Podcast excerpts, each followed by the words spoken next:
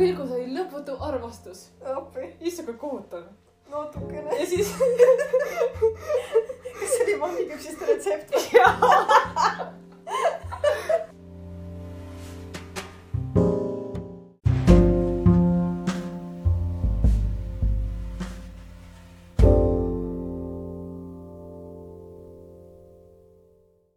nii.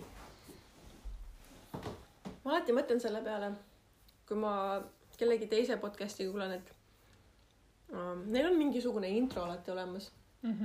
meil ei ole. no meil on alles kuues episood ka ju. tihtilugu inimestel on uh, podcast ides juba kohe algusest mingisugune muusika või intro.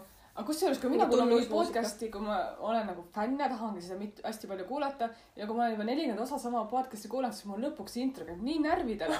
kurat, hakkame juba teemaga Tõsi, pihta jah.. Ja isegi kui mulle see podcast nagu väga meeldib, siis noh, teab see intro närvi ja kuna ma enamasti kuulan niimoodi, et ma kõnnin samal ajal mm, -hmm. ma ei viitsi nagu telefoni välja võtta, siis mul on klapid peas ja nii edasi, et siis ma lihtsalt no, ja, ja olgu, ma nüüd teile selle intro ära. ja, ja siis tavaliselt on nii-öelda see outro ka, vaata, mis nad lõpetavad, lõpuks juhatavad välja blablabla, toeta mind siin ja seal, et siis nagu mm.. nii et ma arvan, et meie ei saagi introt. Me Nii. siin, me siin üritame alustada jaa. teemaga nimega valelähted ehk valestardid. aga nagu, nagu näha, siis me vist ei saa päris hästi liikuma või? Um, ja siis eks me nüüd üritame, üritamegi sellest rääkida, kas on üldse selline asi nagu valelähe olemas. et kas alustamine on üldse mingis kontekstis üldse va nagu vale või, või nagu ka eksirännakud tegelikult nii elus kui loomingus olulised kokkuvõttes. Et me siin võib-olla natuke puudutame sellist eh, karjäärivalikuid ja suhteid ka, aga päris palju räägime alustamisest just kirjutamise kontekstis ja lähme kaevame väga sügavale iseenda netiarhiivides kohati ja mingites vanades lugudes, siis kuulete. aga vale lähte puhul mulle tundub, et siin on kaks varianti, millest rääkida või mida see teema puudutaks. üks on nagu vale start mingi ühe asja puhul, et no ütleme loovkirjutamise mm -hmm. puhul, et sa proovid näiteks erinevates žanrites või proovid mitu korda alustada ja see nagu ei tule välja. ja siis sa otsid oma seda õiget ju. aga siis teine kontekst on see erinevate asjade puhul näiteks katsetad erinevaid hobisid mm. -hmm. karjääri puhul äh, alustad midagi uuesti mitu korda äh,, üritad nagu kombata, et mis sulle, mis sulle sobiks. Ma tihti arvan, et võib-olla nagu vaata spordis on kohati on ka hästi ära defineeritud, mis asi on vale lähe. kui sprindis ikkagi on vale lähe, siis võid, võidakse ka võistleja nagu vaata maha võtta. kui ta mitu korda valesti teeb, see on nagu vaata karmimad reeglid, et see ju terve võistluse ja medalitükke saab pekki ajada. aga ma arvan, et elus äh, võib-olla vale lähe on selline mitte nii range teema. et ma arvan, et iga algus on oluline, iga protsess kokkuvõttes ikkagi õpetab sind kujundab sinust selle inimese, kes sa oled. et mõnes mõttes tuleks väärtustada igasuguseid kogemusi. ja parem on, kui sul on midagi, mida sa proovisid alustada ja see ei tulnud välja, kui et üldse mitte midagi ei alustanud, ei katsetanudki, kuna sa juba kardad ette, et see ei tule välja. ja noh, me oleme ju tegelikult äh, karjääris ka igasugu muutusi teinud, näiteks mina alguses äh, aasta aega pärast keskkooli töötasin üldse reklaamitrükiste firmas büroo assistendina. põhimõtteliselt trükkisin T-särke ja kleepse ja tegin mingeid tikandeid asju ja. padjapüüridele printisid ka pilte. aa ah, ja, ja, issand. aga põhiliselt on mingid T-särgid mingitele firmadele põhimõtteliselt, noh. ja, ja siis pärast seda ma avastasin, et oi, ma hoopis inglise keelt õppima. õppisin inglise keelt ja siis läksin, õppisin loovkirjutamist Inglismaal ja mingi hetkel saigi minust öö, tõlkija, mis ma olin ka nagu päris palju aastaid. Aga siis ma taipasin, et noh, isegi kui ma mõnikord juba natuke veel tõlgin, niimoodi, kui on aega üle, siis see olegi ikkagi võib-olla minu see kõige-kõigem amet. ma õppisin ju, olgu, enne kui me jõuame praeguse ametini, siis tegelikult ma vahepeal õppisin ka massaaži tegema, oli oma ettevõte füsio- füsioterapeudist kaaslasega, ma tegin massaaži ja kõiki muid asju, mida ettevõttes vaja teha vaja oli. et õppisin ka ettevõtlust ja käisin ettevõtluskoolitusel, käisin raamatupidamiskursustel ja lihtsalt saaks oma ettevõttes kõik asjad ära tehtud. ja siis ühel hetkel ma avastasin, et mind ikkagi toitumine väga-väga huvitab. ma õppisin ka toitumisnõustajaks, ma isegi natuke aega töötasin oma ettevõttes toitumisnõustajana. peamiselt tegin siis toidutaluvmatuse teste, nõustasin neid ja siis taipasin, et ei, see pole ka ikkagi see. Ja olgu, ühel hetkel ma olen õppinud ka tegelikult, vist kümme aastat tagasi õppisin ka treeneriks, aga nüüd see litsents on ammu aegunud ja ma mingi hetk tahtsin õppida ka joogaõpetajaks ja tegin mingi osalise koolituse läbi ja ma ei teadnudki, et need aeguvad litsentsid ikkagi aeguvad, sa pead neid litsentse alati uuendama. mm.. et minu arust neli aastat kehtis, kaks tuhat viisteist aegus ära. siis pead vahepeal uue eksami tegema, sest nagu nõudmised lähevad ka karmimaks tegelikult. Mm -hmm. ja siis, ja siis paar aastat tagasi õppisin IT-d nagu arendamist natuke, aga ega ma töötan IT-valdkonnas üldse keelespetsialistina. et mul on hästi palju olnud selliseid erinevaid asju ja kokkuvõttes kõik need protsessid on olnud kasuks. et see, et ma olin nagu tõlke ja no kogu see keeletaust aastaid äh, keelega tegelemist on mul praeguses ametis väga kasuks tulnud, sest minu töö käib inglise keeles ja ma tegelen, ma ei tegele ainult tehnilise poolega, ma tegelen ka keele toimetamisega ikkagi. ja, ja see, et ma oskamas saasin, no see ei jookse mööda külgi maha ja see, et ma tean trenni põhimõtteid natuke rohkem kui eh, mis iganes harrastaja, tuleb mul endal trennis kasuks ja see, et ma toitumisest nagu tean, kõik on väga-väga vajalik ikkagi. et ma ei arva, et need kõik päris korralik äh, kogemuste pank sul mul on see kool- koolitusi kindlasti on nagu veel, et ma mm. -hmm. neid toitumiskoolitusi ma ei käinud aga ainult, ainult ühes koolis, ma võtsin ka mingit täiendõpet hästi palju, et noh, ma olen selline õppimisnarkomaan natuke. No sinu, sinu need kogemused natuke nagu aukartust äratavad, ma mm., mm.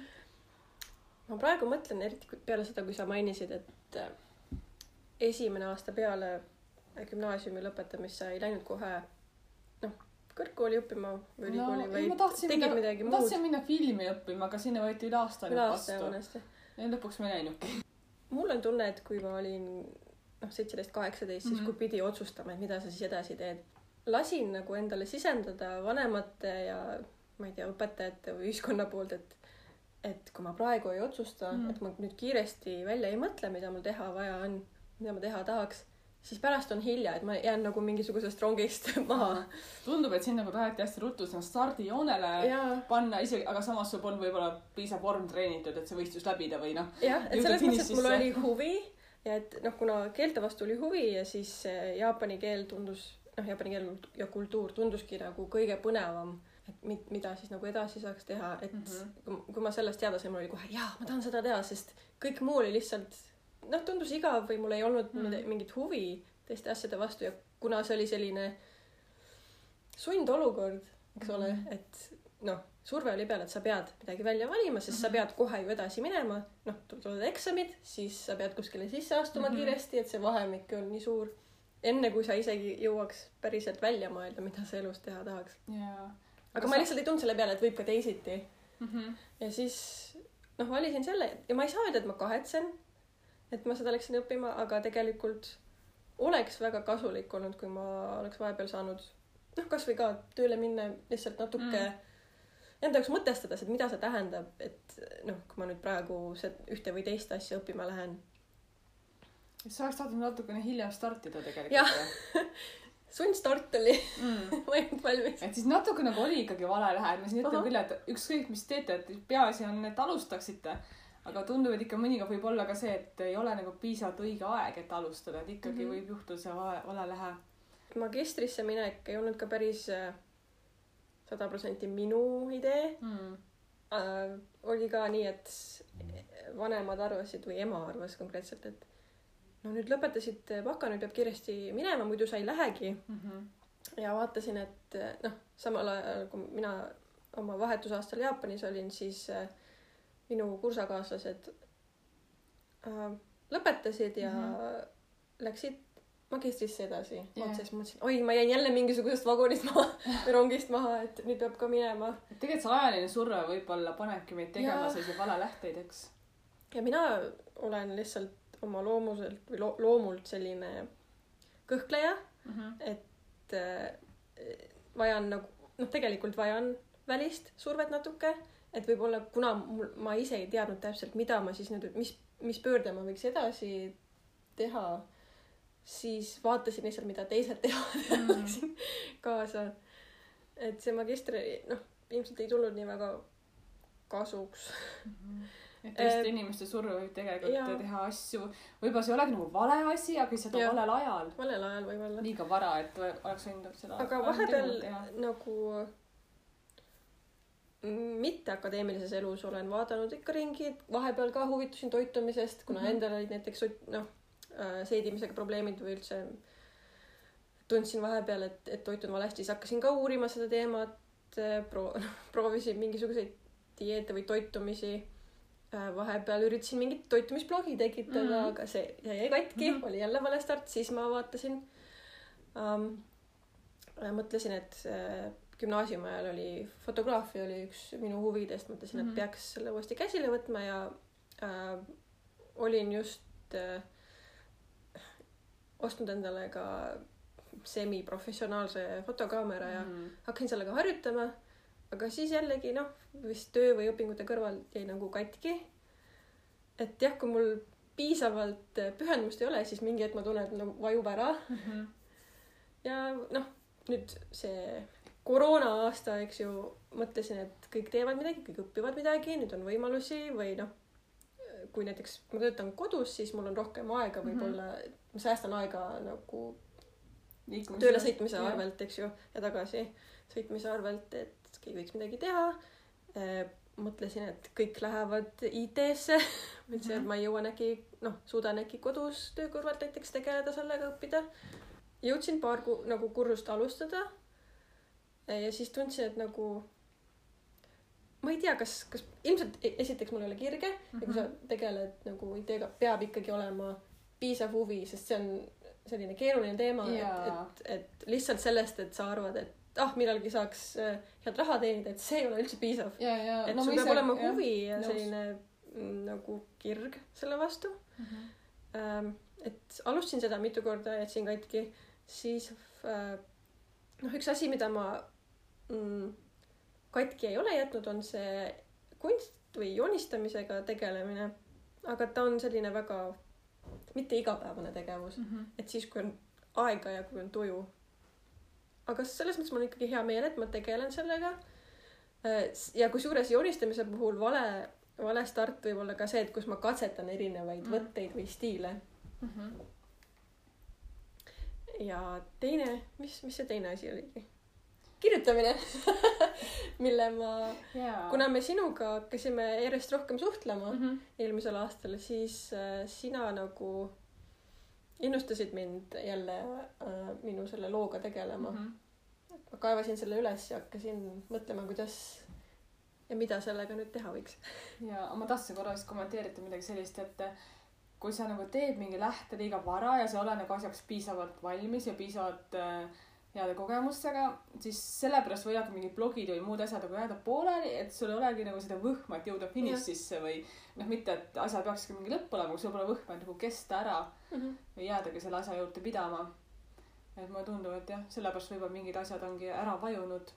et see on, see on jälle selline, mida saab spordiga vaata võrdsustada, et kui sa nagu mõtled, et nüüd ma lähen jooksen maratoni, aga sa ei ole selleks piisavalt treeninud, siis no võib-olla sul esimesed kakskümmend kinti ongi mega hea olla, aga siis äkki käib nagu ketas nii maha ja sein tuleb nii ette, et sa nagu elu sees mõtled, ei taha enam joosta.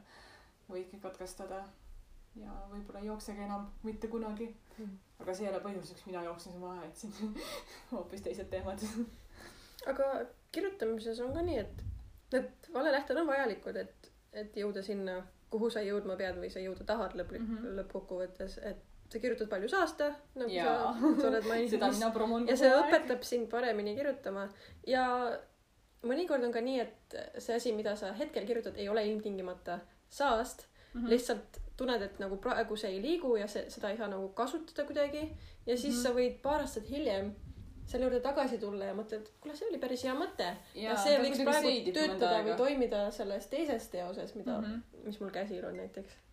Ja noh, kirjutuse puhul mina arvan küll, et seal kehtib kindlasti see, et lihtsalt kirjuta ja võimalikult palju ja noh, toodake nagu saasta, et see on nagu mõnes mõttes nagu trenni tegemine, et isegi kui sul nagu trennis ei tule iga kord nagu rekordit, ei suru iga kord äh, kilo rohkem või mida- midagi sellist, siis ikkagi see kokkuvõttes see, see akumuleerunud, akumuleerunud efekt, see nagu trenni efekt koguneb mm. -hmm. lõpuks ikkagi keha areneb ja lõpuks nagu nii-öelda kirjutamismuskel ka areneb Ja- ikkagi. need sa pead sellega tegelema. need teosed, nii-öelda need alustused, mis sul pooleli jäid või mida sa ära viskasid vahepeal, need on ilmselt kõige olulisem töö. või osa teekonnast ideaalini see ongi selline harjutus, vaata, sest sa pead ju kuidagi saama heaks mm. mm. -hmm. ega kõik need nii-öelda ka avaldatud kirjanikud, nad ei ole nii, et nad võtavad kätte esimese hooga kirjutavad välja avaldamiskõlbuliku nagu teksti. et see on ikkagi toimetamise Mm. küsimus. see üks mm, probleem võib-olla, mis, millega paljud äh, kohtuvad ja noh, mis võib-olla läheb natuke kokku selle teemaga äh,, millest ma rääkisin, kui ma mainisin seda, et ma ei teadnud, mida ma tahan teha, aga mm. -hmm. selline sundolukord oli, et pidin selle valiku tegema.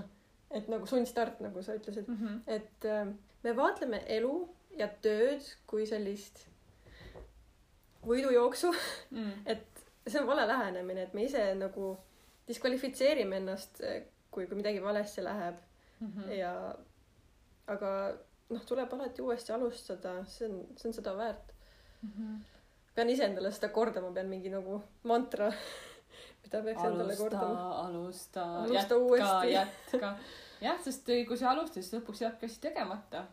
ja ei pea ootama mingit esmaspäeva või uut aastat või nagu sellist kuu algust, võid alustada ükskõik mis hetkel, peaasi ongi nagu alustada. iga hetk on nagu ideaalne. ja kui korra nagu lähebki vaata lappama ka, et unustada vahepeal kirjutada, siis noh, nagu läkski korra ära, alustame uuesti. Miks peale valestarti alla anda tahaks, vahel äh, põhjustab seda ebaselgus, kuna sul ei ole sihti, hirm esiteks ja, ja see hirm suureneb iga, iga valelähtega ju. et mida rohkem sa nii-öelda fail'id mm -hmm. mingi asjaga, seda noh, mulle tundub seda rohkem hirmu see tekitab sinul mingi järjekordse uue asja proovimise ees. läbikukkumisi tegelikult ei peakski vaatlema ka nagu mingite väga negatiivsete asjade, need on lihtsalt nagu paus või stopp. ja see tähendab, et sa saad alati uuesti alustada. Mm -hmm. see ei olegi, see ei ole mingi selline stopp, mis ütleb, et mitte kunagi enam ei. see on lihtsalt nagu, et ütleme nii, et millegi lõpp on alati ka võimalus millegi teise uue alguseks. et Jaa. kui sa saad mingi Ja kui- asja elust ära, siis tuleb te teine asemele. ja kui sa läbi kukud nii-öelda, siis tee lihtsalt paus, mine tagasi nii-öelda stardi juurde, mine tagasi selle põhjuse juurde, et mis oli selle tegevuse otstarve, mis mm -hmm. oli Mhm. eesmärk. mõtle läbi, et miks, miks sa teed seda või miks sa seda teha tahad. mis on selle asja funktsioon, mida see sulle annab, et siis sa Jaa. tekid, noh, siis tekib selgus. jah, vot, jah, kui nagu vahepeal lähen asjale rohkem analüütiliselt, siis tõesti saabki, panedki võib-olla plussi-miinuse kirja, miks mul on vaja seda asja kirjutada, miks mul on vaja seda asja teha. ja siis sa leiadki nagu, et see tegelikult on väga kasulik. aga ma hiljuti puutusin kokku ka sellise materjaliga, kus teraapias kasutati se- sellist tehnikat, et eh, inimene kõigepealt eh, sõnastab oma probleemi ja siis ta nagu üritab oma probleemiga jalutada. jalutada, no selles mõttes võib kõndida, et eh, ta oma aega veeta. ei, mitte päris, ei ole selline. ta näiteks ruumi ühes otsas, kus ta asub nagu selles probleemiruumis, ta sõnastab selle probleemi ja siis terapeut palub tal kõndida ruumi teise otsa. seal asub lahendus ja siis ta nagu visualiseerib ja mõtleb, et milline ol- oleks elu siis, kui tal oleks lahendus käes ja siis pärast seda, kui ta on nagu välja mõelnud, milline oleks selline ideaalne olukord, kus on probleem kadunud, siis terapeut palub tal vaadata tagasi sinna teise ruumi otsa, kus see probleem oli Mhm. ja siis mõeldi välja, milliste sammudega ta jõudis sealt probleemist lahendusse. Väga teaduspõhine tõtotehnoloogia või noh, suht keeruline ka. et aga kusjuures nii palju, kui ma lugesin selle kohta, siis inimesed, kui nad olid jõudnud juba sinna, nad olid juba selle ideaalolukorra endale selgeks teinud, millist, mida nad tahavad saavutada, siis neil oli nagu palju lihtsam seda probleemi vaadelda neutraalsemalt tasandilt Mhm. ja mõelda välja, mis on siis konkreetsed sammud, mille abil nad jõuavad selle lahenduseni. et neil lihtsalt neid motiveeris väga see lõpptulemus, mida nad ette kujutasid ja siis Mhm. selle nagu ainelt nad suutsid välja mõelda kõik asjad. miks äh, vale lähted võrdub kellegi jaoks läbikukkumisena ähm,? sest see on selline hästi tavaline lähenemine, et nagu kas mingi asi on, noh, me me vastandame kahte mm. -hmm. asja, eks ju. kas üks või teine, kas hea või halb, kas yeah. õnnestub või ebaõnnestub, et kas on väärt, kas on säilitamist väärt või, või tuleks hävitada mm., et seda nagu mõtteviisi tuleb, peab, tuleb pea peale pöörata Mhm. Ähm, sest noh, ei ole vaja sellist vastandamist, samuti nagu ei ole vaja läheneda mingile ettevõtmisele nagu võidujooksule mm. -hmm. ja, ja kui sa alustad midagi uut, et sa tunned, et see ei ole piisavalt hea, siis sa mõistad selle hukka, et mõtled üle, et see asi pole, pole pooltki nii hea, kui, kui isegi lähedal sellele, mida sa ette kujutasid. mm.. ma just hakkasin mõtlema, mina olen hästi palju selline inimene, et kui mul mingi lahendus ei tööta, siis ma otsin välja uue lahenduse.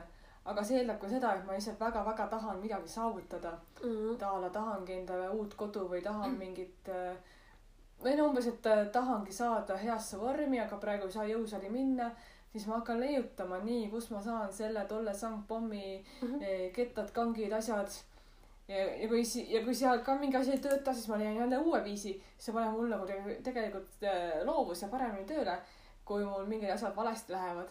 sest mina olen hästi selline lahenduspõhine inimene ja kui mul läheb viltu, siis ma korraks võib-olla võin olla nii, et aa pekki, nüüd läks kõik pekki. ja siis ma mingi hetk- natuke aega olengi niimoodi võib-olla kurb, võib-olla isegi mõnes eluetapis ka mõne juhtumi puhul ka nutan. aga siis ongi, ei saa nagu lasengi selle kurbuse läbi endast või selle läbikukkumise nii. ja siis olen nagu uuesti sündinud, ma nii, et nii, Mhm. aga seda saaks hoopis proovida niimoodi ja siis ma proovin uuesti. ja kui läheb äh, nässu, no siis proovin jälle uuesti. et ma nagu lasen äh, alavad emotsioonid ja asjad läbi. ja siis lihtsalt katsetan uuesti ja lõpuks saabki asjad tehtud. no näiteks ma tahtsin nagu hullult minna loo kirjutamist õppima Inglismaale. aga mul ei olnud ju üldse aimugi, kas ma saan sisse kui kauaks nagu raha jätkub. ma lihtsalt nii väga tahtsin ja ma leidsin võimalused. ja kokkuvõttes ma lõpetasin ära selle kraadi. siis lihtsalt ma arvan, et tahe on nagu väga tähtis siin. kui sa midagi tahad, siis sa leiad alati võimaluse. jah, seda küll. aga ma mõtlesin korraks tagasi äh, nende kordade peale, kus ma, noh, ma rääkisin näiteks, üritasin mingit toitumisblogi alustada mm -hmm. või fotograafiaga alustada või veel mingid väiksed asjad. ma arvan, et see põhjus, miks mul need asjad ei õnnestunud või noh, miks, miks ma ei suutnud nendega järjepidevalt tegeleda, on see, et mul polnud äh, selget sihti, et see siht Mm. mm. oli liiga, liiga üldine, liiga laialivalguv. ma lihtsalt Jaa, tahtsin midagi midagi uut, mingit vaheldust, mingit mm. -hmm. muutust. ma oleks pidanud selle väga konkreetse sihi paika panema, et miks ma seda teha tahan, mida see mulle annab või mida, mida see võib-olla kellelegi teisele võib anda nagu mingid punktid paika, sest see oli lihtsalt, tahaks mingit vaheldust, tahaks midagi muud, oh, see oleks põnev. Mhm. et enne kui ma jõudsin selle hästi läbi mõelda, noh, kuna ma olen tegelikult analüütiline inimene yeah., seda on vaja äh,, siis kuna ma nii kohe nagu viskusin sinna, et ah, nüüd teeme seda, siis, siis sellepärast jäi, ilmselt jäigi katki, sest mm -hmm. ei olnudki seda. Piisavalt analüüsi. jah, ei olnud läbi sul on ikka vaja seda analüüsi, analüüsi, eks ju. jaa, ja muidugi, et jah, tähtis on tahe, aga võib-olla siin mingis mõttes on tähtis ka eesmärk, kuidas, Mhm. milleni sa tahad jõuda selle asjaga. sest Muidu jah, lihtne on nagu äh, vabanduseks tuua, et jah, ma tegin seda töö kõrvalt või õpingute kõrvalt, mul ei olnud aega ja sa Ma lihtsalt ei tahtnud piisavalt. ma tahtsin midagi, ma tahtsin kerget muutust, et oleks Mhm. kohe mingi asi valmis olemas, jah, et seda noh, ma ei tahtnud protsessi võib-olla nii väga, et ma tahtsin juba, et ma oleks juba keset protsessi kuskil mm. ja see Mm. ole, sujuks hästi onju, aga nii need asjad ei käi. natuke kärsitu jah. jah, see on jälle see, et liiga varast, liiga varast starti läinud. aga no samas äh, vahet ei ole, sa ikkagi tegid midagi. aga vähemalt ma nüüd tean, mida ma valesti tegin ja kui ma nüüd midagi uut alustan, siis, siis tean paremini. Mhm. Kas me jõudsime natuke juba blogide teemasse või? jah, no me jõudsime, et võiks juba rääkida sinna, et võiks rääkida kirjutamisest. me natuke juba rääkisime ka, et tähtis on teha kogu Jah. aeg ja ükski kirjutamise alustamine, alustamine pole kunagi vale alustamine, sest eh, seal iga sõna, mis sa kirja paned, iga tehnika, mida sa katsetad, kokkuvõttes tuleb sulle kasuks.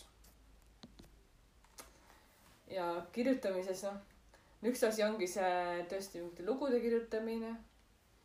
Aga meil mõlemal on olnud ka rohkem kui üks blogi elu jooksul mitu, miks- mitu ja mul alustamist on, mul on ka praegu nagu päris mitu tükki ja ma kõiki neid ei täienda, ma juba täiendan ühte, et osa nagu seisis varjusurmas. osa on sellised, mille puhul ma tean, et ma ei elusta neid.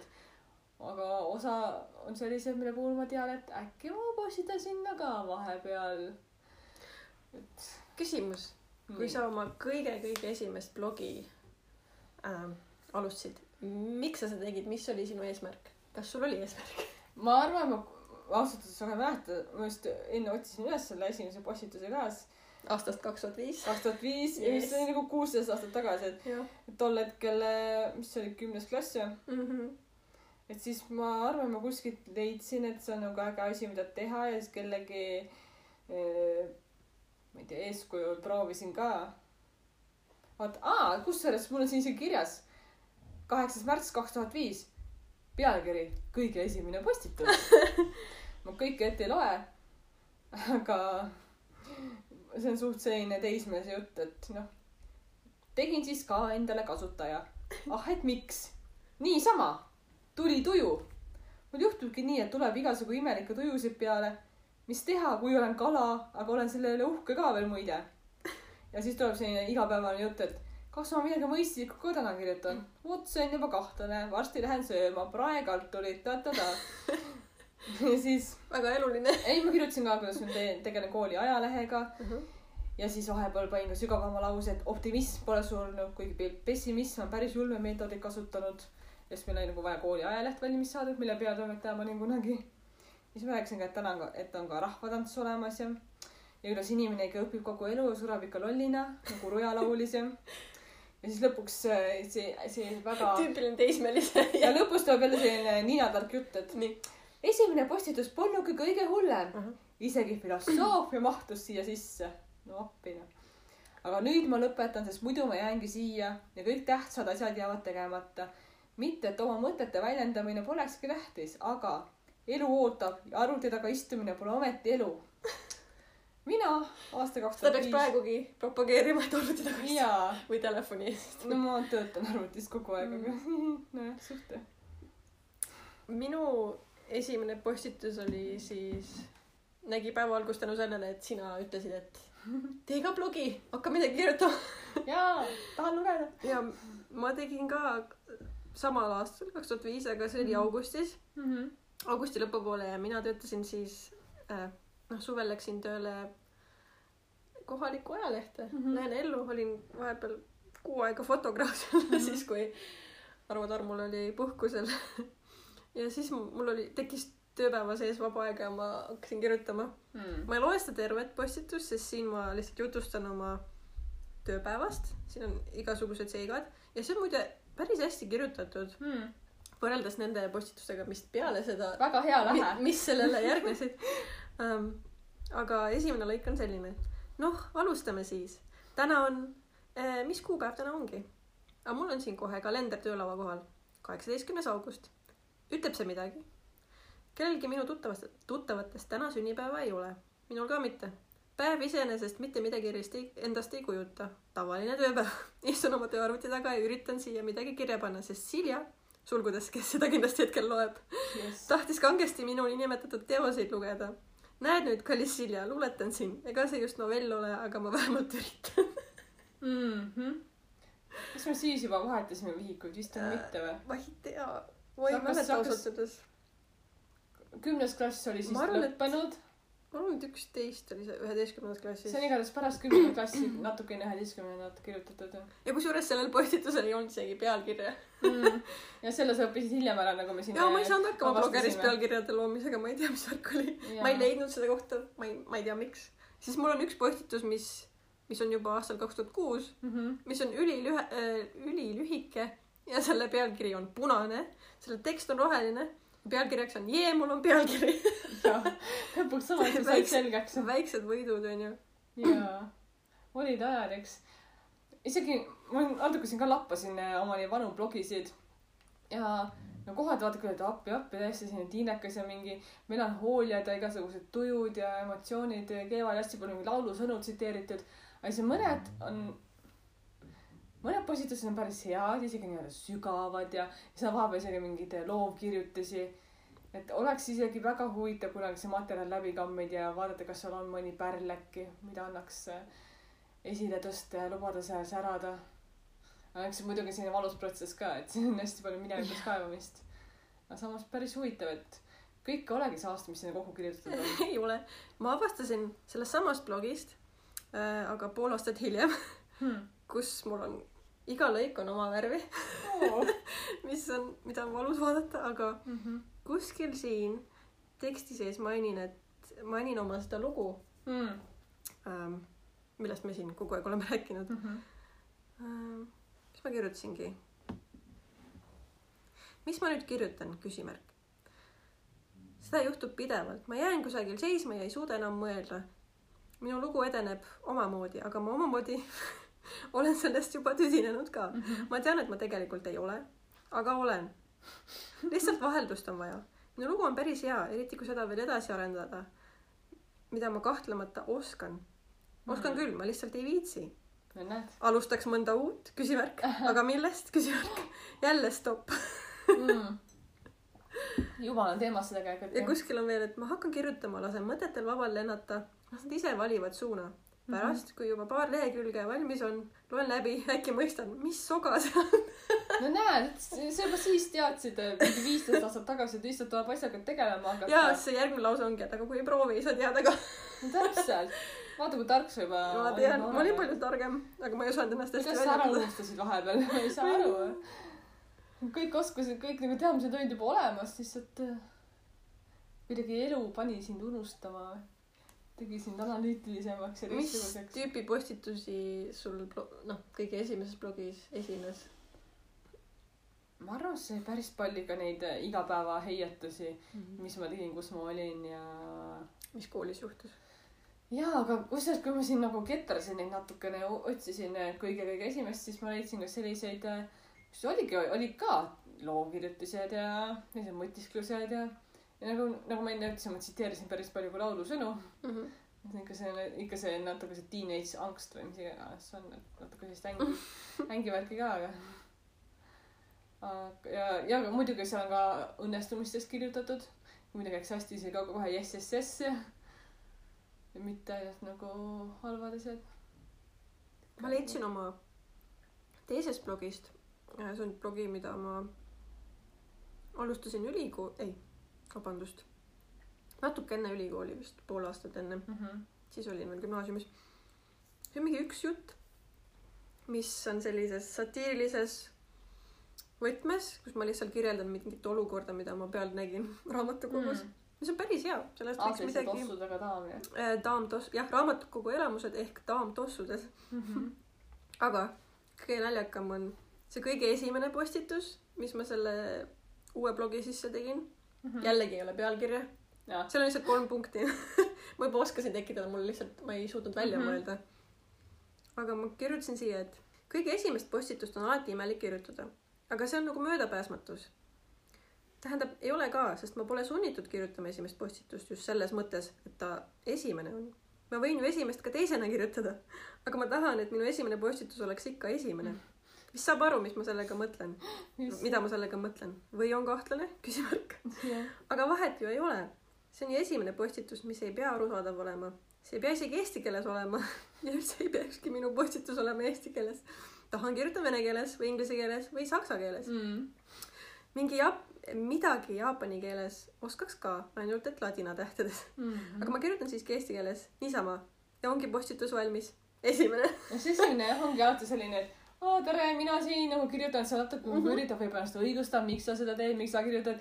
jah, see oligi selline tunne, et nagu sa pead õigustama, et miks, miks ma siin nagu nagu sa ju pead sisse loon. juhatama nagu oma imaginaarsete lugejatele, et sul alguses ei pruugigi nagu publikuga väga ollagi, aga ikka see tunne, et sa pead seda. nagu, mina siin. ja noh, me tegime esimese podcast'i ka, kus me rääkisime oma taustast ikkagi ja juhatasime ennast sisse, et ikkagi tundub mõnes mõttes. aga kui sa lähed praegu, noh muidugi sellel blogil, mida ma alustasin konkreetselt, otstarvet ei olnud jällegi, -hmm. aga kui võrdle seda mingisuguste ma ei tea, toitumisblogidega või loovblogidega või jaa, spordiblogid, mis iganes, seal on kohe nagu esimesest postitusest alates selline väga professionaalne konkreetne tekst, mis juba räägib millestki. seal ei ole sellist sissejuhatust. aga see on nagu vaata loo kirjutamises, et ei ole see, et ei ole see, et on mingi kümme lehekülge maastikukirjeldust ja perekonna ajalugu, nagu lugu pihta hakkab, vaid ongi see, et sa kohe nagu see üks väljend oli ühes loo kirjutamise õpikus, et in medias res ehk sa oled kohe asjade keskel, sündmuste keskel ja visatakse kohe sinna sisse, siis sa oledki nagu osa sellest. keegi ei hakka sind niimoodi vaikselt meelitama, vaid sind tõmmatakse kohe ja siis sa ujud seal või, või ma ei tea, surfad minema, kui ei meeldi. et tegelikult see vist ongi päris hea variant. kui ma seda nagu loovelu blogi alustasin, mul seal on ka sellised Aa. nii-öelda professionaalsed postitused, et Mm. ei ole nii, et aa tere, mina no ma ei, jah, ma ei midagi." alustaks enam samamoodi, kui ma nüüd uuesti mingit blogi peaks tegema. toidublogi ma ei mäleta, kuidas ma seda alustasin, see on ka ikka aastaid vana juba. ma ei tea, või mul oli selline mm, tunne, et ma pean ennast õigustama, et miks ma nüüd mingit blogi kirjutan siin mm. Mhm. -hmm. et mis on selle mõte, et et sa või nagu, sa või oma mõtteid väljendada enne, kui sa pole ennast esitlenud maailmale. et mina olen siin, ma tahan teha seda ja toda. no mõnes mõttes see on nagu hea, et sa nagu paned mingi eesmärgi ja Mhm. tekitad mingi ootused endale ja noh, kuigi samas sa võid ka piirata, kui sa tekitad mingid ootused, et nüüd siit hakkab tulema sellist asja. mul oli ikkagi väga laialivalguv sisu blogis. see alguses, alguses oli selline siin ja seal ja siis, kui ülikooli läksin, siis, siis äh, need postitused rääkisid pigem minu loengutest mm, Mhm. -hmm. ülikooli elust, uutest äh, tuttavatest sõpradest ja mingisugustest naljakatest seikadest, mis ülikoolis äh, juhtusid või, või tänaval või kuskil mm.. ühikas või äh, hästi palju kirjutasin üles äh, õppejõudude tsitaate. Jaa. kõigepealt kirjutasin konspekti kuskile vihikusse see Ja siis ma panin arvan, siia- ma arvan, et see on meil kooliajas sisse. Mina kooli ajal seda Ei teinud, jah? no mina olin kooli ajalehest peatoimetaja ja meil oli see rubriik, kus meid ja, ja, ju oi, see oli nii hea. mul on alles need ajalehed. oo, kus me nüüd õpetajate tsitaate nagu avaldasime ja siis nagu ma, kõik muidugi teadsid, et ma olen lehes ja et ma ja siis no, ma olin ise kunagi see on nagu väike spioon. ja geograafiaõpetaja isegi nagu ütles umbes tabas mind teolt kui ma hakkasin tema tsitaati jälle üles mis ta kirjutama ütles? ma ei mäleta mis ta ütles aga ta oligi nii et ahah kirjutad umbes seal või püstol reporter või mis iganes. Midagi ta kommenteeris aga noh päris palju ka teised inimesed saatsid neid tsitaate ja mm Mhm. -hmm. kogusid aga mina vist päris palju kirjutasin ennast kui õpetajad midagi naljakat ütlesid aga see on nagu umbes selle ajalehe kõige parem osa tegelikult mulle meeldis see ja väga. eks õpetaja võib-olla teadsid ka, kes nagu neid umbes kirjutavad mm Mhm. -hmm. ja kes on lehega seotud ja siis võib-olla mõnikord üritasidki spetsiaalselt kildu visata. võib-olla. ei tea. kodus valmistasid ette, panid kirja ja siis harjutasid mitu korda esitamist. jah. nüüd tahab Okei. selle klassiga tund ma. räägin äh, sellest ja sellest teemast siin geograafiatunnist ja nüüd sellel minutil ei no geograafiatunnist, geograafiatunnist tuli, tuli palju kilde nagunii. ja no need tulid väga, väga loomulikult. ja, ja päris paljud said kirja ka pandud. nii, blogid. blogid jah. mul on siiamaani tegelikult ja mul on mingi toidublogi, kuhu ma mingi iga kolme kuu tagant teen võib-olla ühe postituse. kunagi ma postitasin sinna kõvasti rohkem mis on sinu toidublogi eesmärk? ähm,. ei, ma ei teagi. või mis oli esialgselt selle eesmärk? Uh, tegelikult on see, et kui ma nagu teinud mingeid asju, toite, mis tulevad hästi välja ja siis tihti inimesed küsivad, et aa umbes, et aga mis sa nagu sisse panid, siis ma alati nagu uh,, ma ei tea peast nagu retsepti. ja. siis ma teen hästi palju nagu intuitiivselt süüa mm. -hmm. ma lihtsalt panengi ma, noh nüüd ma kaalun oma toite, sest ma panen kõik asjad kirja. Aga ma, kui ma kokkan, siis tihti ma lihtsalt teengi suva järgi ja siis, kui keegi küsib, et aga kuidas sa seda tegid, ma nagu äh, nii ajaks visata blogilinki, et vaata, seal on, et ja kusjuures praegu ma isegi kasutan ka mingit bataadi braunide retsepti, millest mul on ka blogis äkki kolm versiooni. blogi on siis toidupeegeldused, kui kedagi huvitab. reklaam. jaa, hoiatuseks. et kui ma hakkan jälle seda bataadi braunit tegema, siis ma isegi lähen omaenda blogisse ja vaatan sealt üles, üle selle enda parima versiooni sellest retseptist, sest see on kuidagi kuskilt mujalt inspireeritud, aga ma olen selle endale vastavaks kohandanud. ja siis ma mingi hetk kirjutasin sinna ka selliseid toitumisteemalisi artikleid rohkem. siis ma just üritasin ka võib-olla jagada oma teadmisi ja saada toitumisnõustamisse kliente mm. juurde. aga samas noh, need artiklid on igati nagu head ka praegu. ma tunnen, et äh, blogi kirjutamise puhul, noh, sa alustad blogi või sa teed blogi siis, kui sa tunned või sa tead, et sul on inimestele midagi pakkuda. -hmm. aga mida teha siis, kui sa tahaks inimestele midagi pakkuda, aga sul ei ole midagi pakkuda hetkel? sest s- noh, sul ei ole neid mingisuguseid uusi oskusi või kogemusi, mida pakkuda. aga miks sa tahad siis? see oli teoreetiline küsimus. kust sul üldse see mõte nagu tuleb?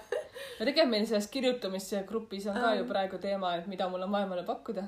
mõnes mõttes, kuidas sa mõtestad seda? kust see mõte tuleb, on see, et noh, blogi on mingi üks selline asi, mis nõuab äh, järjepidevust mm. -hmm. noh, selline mitte tsükliline, vaid mulle endale meeldib küll mingi tsükkel enda jaoks välja mõelda, ma loovilusse üritan iga nädal postitada, mis tuletab meelde, et ma olin eelmise nädala postitus tegemata no lihtsalt blogi puhul on selline, et kindel plaan, kasvõi ajaplaan, et mm. -hmm.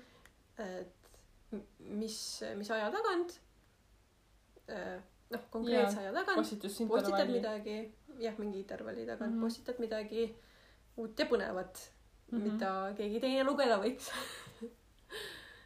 mitte, et ma konkreetselt nagu tahan mingit blogi alustada praegu, lihtsalt jälle. see, see oli puhtalt teoreetiline küsimus, et yeah.. et on küll selline soov nagu Tahad, midagi, midagi pakkuda mida. inimestele, aga ma ei tea, mida.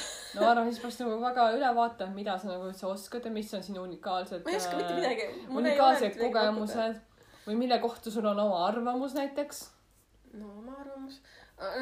siis hakkad jälle mõtlema, et aga kas minu arvamus üldse on õige või on, no see on sinu arvamus, see on kindlasti teatud kontekstis või õige. objektiivne. see ongi subjektiivne, sest see on sinu arvamus.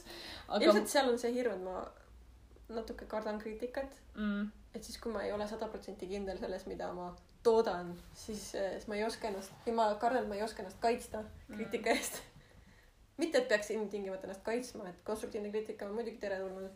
ja ma arvan, et tegelikult inimesed ju, keegi ikka mõtleb kaasa ja suhestub sellega.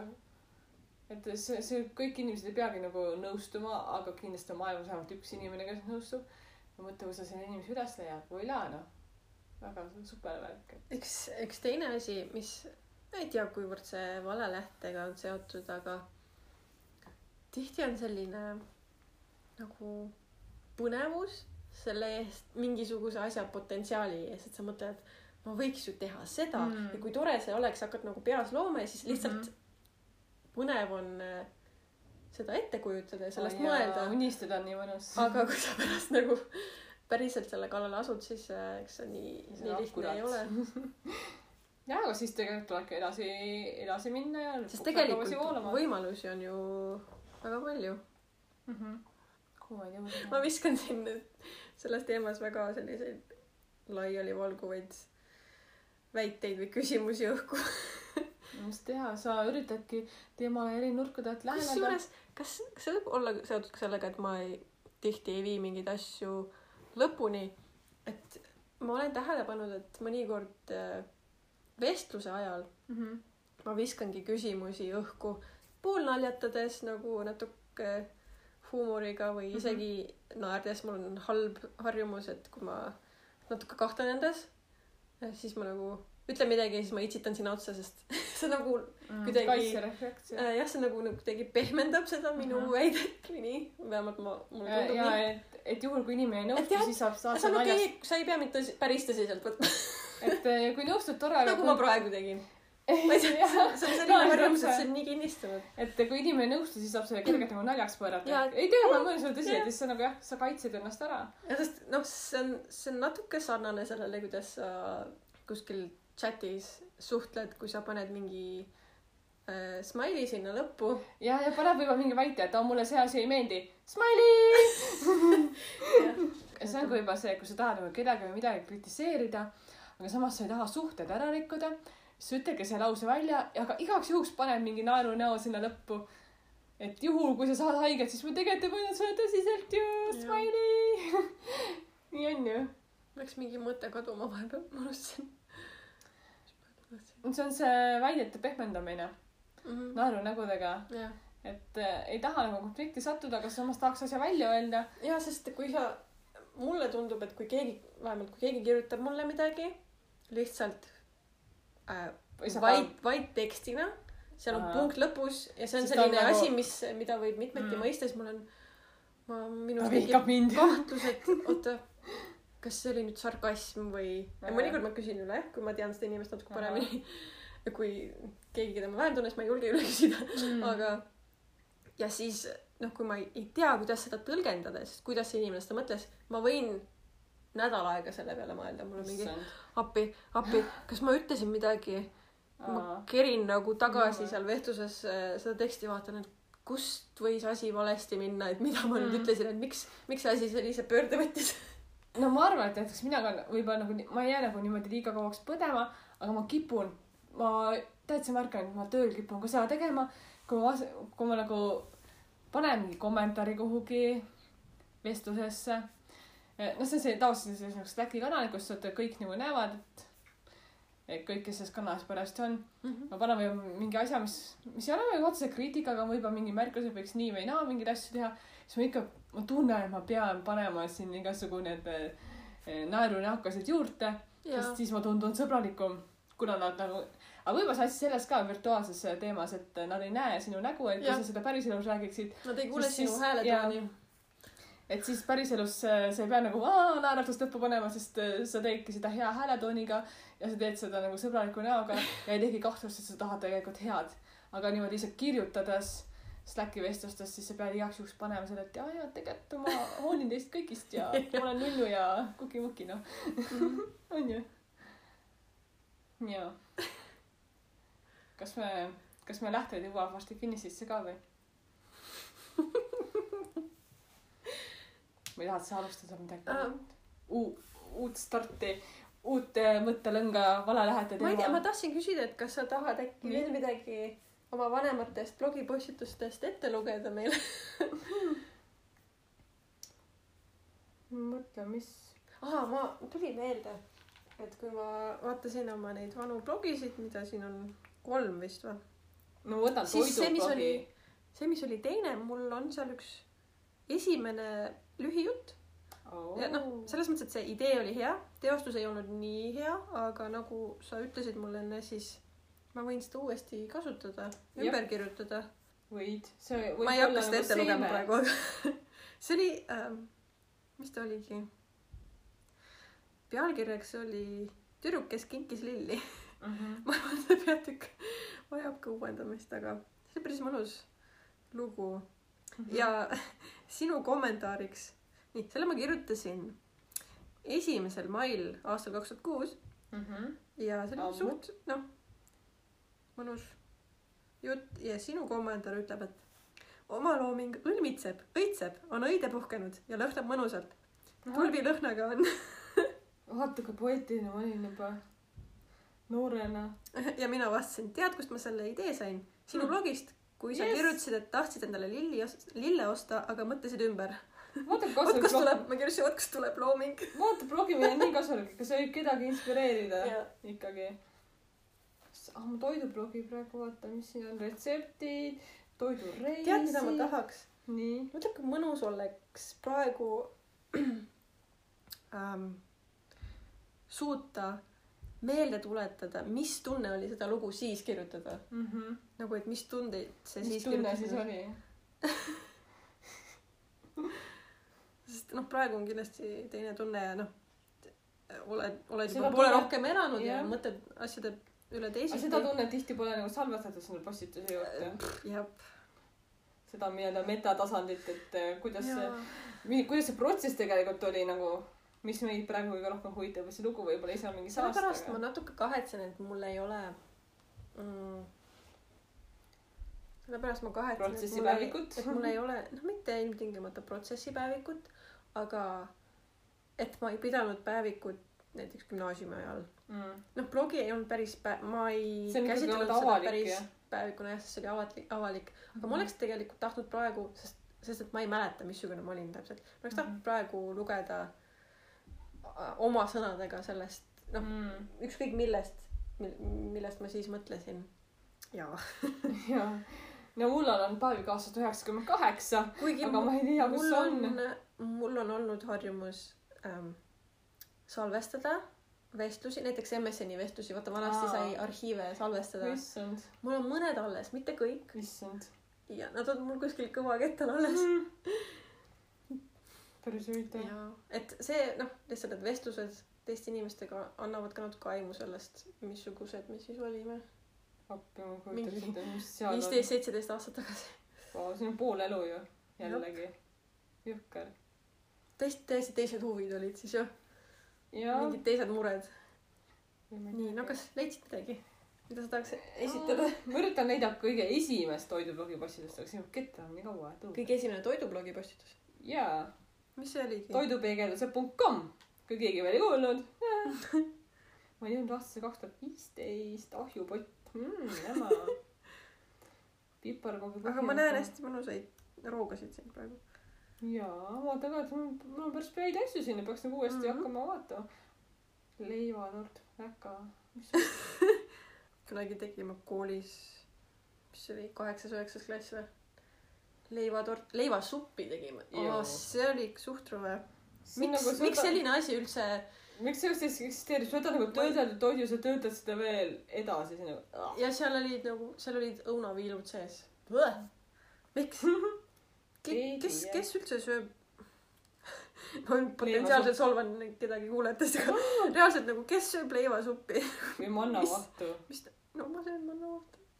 ai oota, ma vist isegi mäletan, mis see oli. Ai jaa, mu esimene postitus toidupeegeldused, mul oli see moto, et ma tahtsin teha äh, toidublogi, kus on ühendatud äh, toit ja kirjutamine. nagu selline loos, et iga nagu. ma jõudsin vist lõpuni või? ma jõudsin ka. kassi unistus oli esimene postitus. kaks tuhat kolmteist. jah, ma üritasin teha sellise blogi, kus äh, kõigepealt on nagu selline lookirjutis Mhm. ja siis seal on nagu võib-olla mingit rooga mainitud või kuidagi see retsept on seotud selle looga ja siis lõpus nagu on retsept ka, et on selline natuke ilukirjandust. ja siis äh, kuidagi läheb äh, sujuvalt üle toidu peale, selline. mul olid suured mõtted, ma siin paar postitust tegin niimoodi, siis ma väsisin ära, sest sealt ei, see idee nagu ei kedanud nii hästi, et aga noh, kõige esimene oligi veisepasteedi retsept. ja algas sellega, natuke kahtlane siin. see on pasteet. Ma saan aru, jah. igatahes jutt oli selline, et näiteks, et üritasin siis, et Miu sirutas oma käpa pikalt välja ja keerasin küljele. ühtäkki tungis ta ninna hõrgutav lõhn, mis ta korraga virgeks tegi. nüüd oli ununenud pehme sulepadi, kus ta muidu enamik oma päevadest veetis, kui perenaine korteri tema kasutusse jättis. selle paljalt jälgis ta ilmaelu. õues jalutavaid inimesi ja koeri ning kui mõni linnuke mõõda lendas, klapsas püsti ja unistas, unistas, et talgi tiivad oleks. Miu jooksis nõtkel sammul kööki, libisedes kergelt mööda kõigist isikunurkadest. perenaine hakkis veisevaksa. Miu toetus tagakäppadele, kaapis esikäppadega köögikappi. Anu pilk suunatud ülespoole lasi välja ühe nõudliku mjau. terve ta keha oli tahtmisest pingul. ta oli juba terve nädala kuivi krassi kassikrõbinaid muginud. oi, kas sa tahad maksa, küsis perenaine ja viskas väikese killukese kassile põrandale. Miu ahmis selle haplad sisse ja võttis siis taas sama nõudliku poosi. mõnda aega ei teinud perenaine teda märkamagi, muudkui praadis ja vuristas ja segas, kuni viimaks pasteedi purki kaapis. siis võttis kätte leivanoa ja määris paksu kihileivale. Miu limpsas keelega üle mokkade. perenaine vaatas talle otsa, naeratas ja võttis siis uue noatäie pasteeti et sul ka ilus päev oleks, lausus ta, kui noa Miu poole sirutas ja kass ennast unnustavalt sealt pealt pasteeti lakkus. oli ilus päev, oli ilus õhtu. Miu ja perenaine sõid ka hiljem koos pasteeti. tänu kassi silmis oli siiras. Ja siis järgneb pasteedi retsept. et see oli nagu, see oli nagu see aa, see esialgne, oli kontseptsioon, et. see kontseptsioon jah, et on nagu väike lugu ja siis, ja siis tuleb mingi retsept, aga ma suutsin võib-olla kolm postitust niimoodi teha, sealt edasi ma nagu aa, ma ei suuda, ma ei jaksa ja sest siis iga retsepti juurde ei jõudnud genereerida lugu, onju. jaa, siin on nagu mõned sellised lood, lood või umbes selline lugu ka, et mingites küpsise retsept, küpsi, küpsise retsepti juures, et nende vahel oli küpsis. Ahjusoe ja meelitavat lõhnav. küpsis oli tüdruku õrnade ja roosaks lakitud küüntega sõrmede vahel. nagu küsimärk rippus see õhus ne- nende vahel. issand, kohutavalt see, sõnakurdused.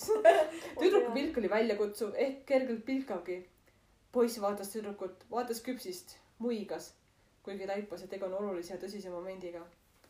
tüdruk kergitas seepeale kulmu, aga jättis küpsise õhku. ühtäkki sööstis poiss tema poole, haaras küpsise hambusse ja paiskas samast tüdrukut pikali. Tüdruk lamas liikumata, kuni poiss küpsist mugis. ma mäletan seda. siis laskus poiss allapoole ja sosistas talle kõrva. ma armastan mandleid. siis suudas poiss tüdruku kaela okei. kuidas sa teadsid, et siin mandlejahu on? pärast tüdruk uuesti silmi avades. korra oli ta põntsuses ära heljunud, nautinud õrnu ärevu vibratsioone oma kaelal. on asju, mida ma tean. mõistas poiss korraga tõsisemaks muutudes ja tüdrukule otsa vaadates. tema pilgus oli lõputu armastus. appi, issand, kui kohutav. natukene. ja siis kas see oli mangiküpsiste retsept? no issand, kui kohutav ja mul oli tolleks hetkeks magistrikraad loovkirjutamises.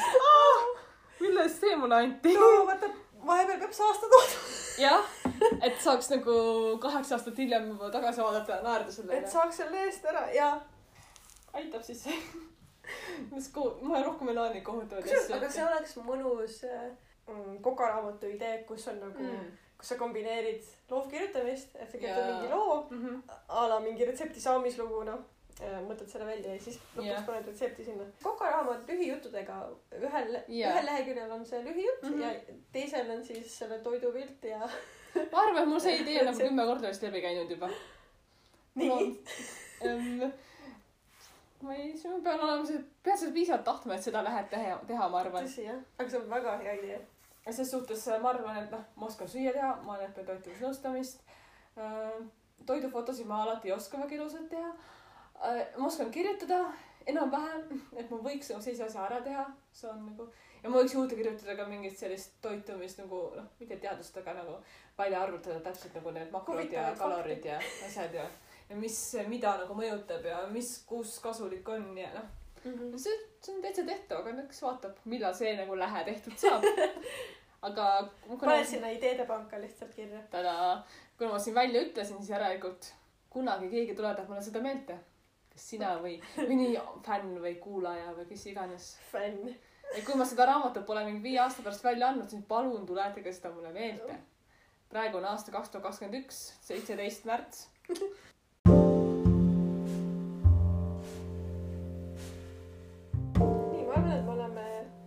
tänase teemaga jah, ühele poole jõudnud. millest me järgmine kord räägime? selle, ärme reeda seda, tuleb üllatusena. mis me ise ka teame või? ei tea, sellepärast ei reeda ka. siis ta näevad, ei jaa, see on üllatus, jaa, see on väga suur-suur saladus, jaa, jaa. aga tegelikult. mingisugune intriig peab ju alles jääma. jaa. valelähede kohta tahtsin seda öelda ka, et võib-olla valelähe ei olegi nagu nii halb eh, ega väga-väga vale, sest tollel hetkel on see sinu jaoks õige. nagu, nagu suhete ja asjadega võib ka nii olla, et isegi kui see lähe nagu vaata hiljem lahku, siis tol hetkel võis see inimene olla sinu jaoks täpselt õige ja see tegevus võis olla sinu jaoks täpselt õige, nii et jah, et see Olla Lähe on, oli nagu mõnes mõttes vahend, mis, mis viis su järgmisesse. järgmisesse punkti, kuhu sa pidid saama kuhu sa tahtsid saa-, jõuda. ehk kirjutage edasi. Tootke saasta, ja, ärge ära visake, aga ärge avaldage saasta. aga tootke saasta, Tasub- aga toimetage ja avaldage parim. jah, tasub kindlasti alles jätta. kasvõi selleks, et äh, noh, et sellest õppida mm. -hmm. kuidas midagi mitte teha või võib juhtuda ka nii, et see tuleb, ma ei tea, kümne aasta pärast kasuks. kasvõi see, mitte, mitte võib-olla see teostus ise, vaid just see idee. olgu, tootke saasta, aga ärge avaldage. kõik. aga äkki tasub avaldada toimetatud saasta võib avaldada. aga meie vanad blogid on ka avaldatud. no okei okay,, noh. kuigi jah, ma panin vist äh,, ei, ei, on avalik küll, kes, kes otsib, see leiab mm. -hmm. ärge palun otsige jah, olgu. thank you